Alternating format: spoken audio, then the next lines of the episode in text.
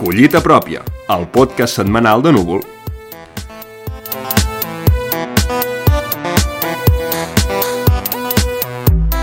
Hola a tothom i benvinguts a Collita Pròpia, el podcast setmanal amb les notícies més destacades de Núvol, el digital de cultura. Collita Pròpia serà un recull radiofònic dels articles, reportatges i entrevistes més destacats de la setmana.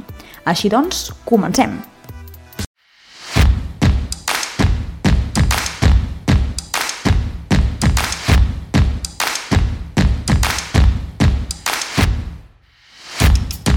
El primer que volem destacar d'aquesta setmana és el reportatge Sobreviure sense directors, de Clàudia Rius, que aborda la situació actual d'una quinzena de museus del país que es troben sense director. I què s'ha de fer en una situació així?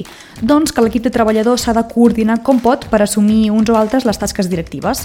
Clàudia Rius ha parlat amb alguns d'aquests treballadors per saber com ho viuen i així en resumeix ella mateixa quina és l'atmosfera que es viu en els centres museístics que es troben sense direcció preguntat a quatre treballadors de museus com s'organitzen en el seu dia a dia si no tenen director i a grans trets m'he trobat dues situacions. La dels museus que de seguida designen a un treballador com a director en funcions, encara que per a alguns professionals això suposi treballar fins a 15 hores cada dia, i la dels museus que deixen l'espai buit i que posen els professionals en la situació de treballar horitzontalment sense figures de referència i amb organigrames que no estan pensats per aquesta manera de funcionar.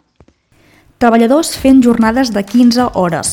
És una informació del tot desconeguda, però és molt necessària per fer visible i reivindicar. Hi ha museus que ja tenen clar quan recuperaran la figura del director i altres estan a l'espera i per tant el procés s'està fent bastant més lent. El que és segur és que la figura d'un director en un museu és necessària per complir uns mínims de cohesió i organització entre tot l'equip. No us perdeu el reportatge Sobreviure sense directors de Clàudia Rius.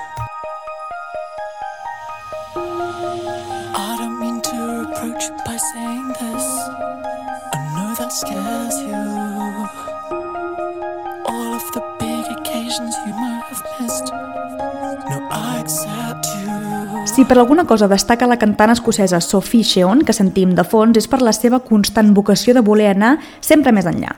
El món de la música i sobretot els fans d'aquesta artista trans ploren la seva mort en un malaurat accident que va patir a Grècia el passat 30 de gener.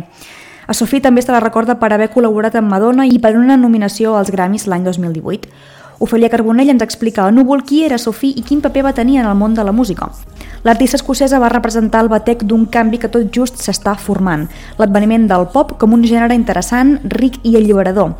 Sofia ha estat i seguirà sent un dels noms imprescindibles per parlar del canvi que està experimentant aquest gènere musical. És un article en definitiva molt interessant per conèixer millor el pop i deslliurar-lo dels prejudicis que té, tot demostrant que aquest gènere musical també té lloc per l'excel·lència, la profunditat i la innovació. Llegiu Sofí, el llegat que marcarà una era del pop, d'Ofèlia Carbonell.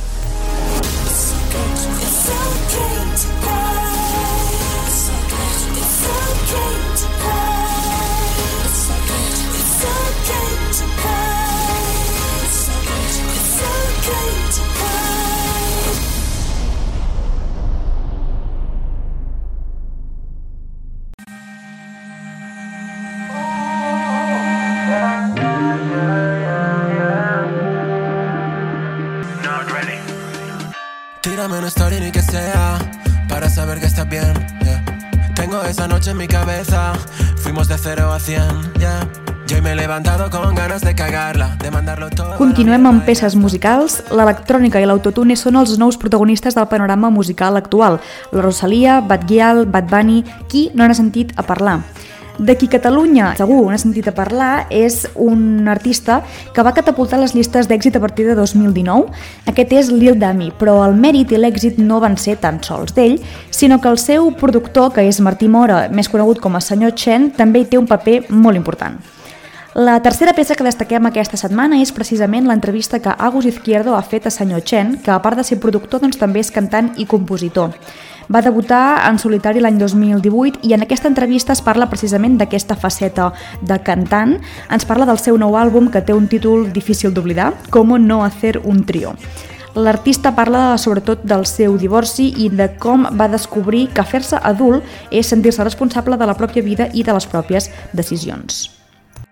ABCD!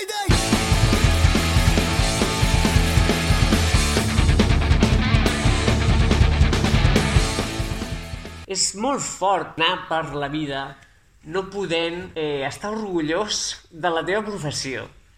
Jo em sento coreògraf. Coreògraf és una paraula que, eh, amb la qual no hi tinc cap mena d'atenció.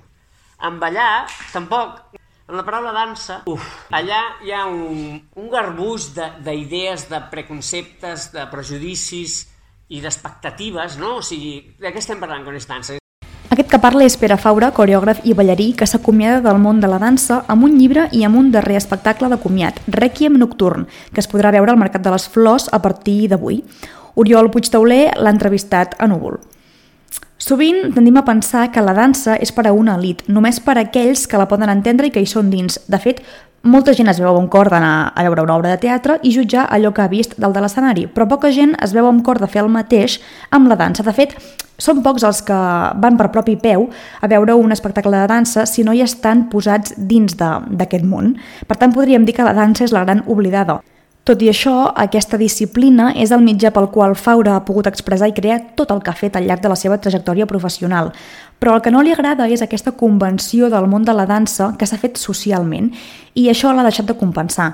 Escolteu com ho diu ell perquè crec que no hi ha una manera millor de dir-ho, o almenys jo no, no ho sabria fer. Jo seguiré fent coses, sí. I, però no seguiré fent dansa perquè no estic fins als collons però, bueno, si fas el, de fer la dansa.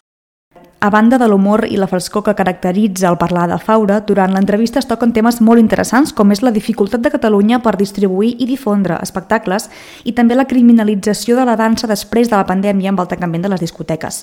Assumim ballar amb sortir de festa i, per tant, amb més contagis? Pere Faura deixa la dansa, però no l'abandona. La dansa és un món que cal conèixer i cal donar-li la visibilitat que mereix. Oriol Puigtauler en conversa amb el ballarí i coreògraf. Correu a llegir-la.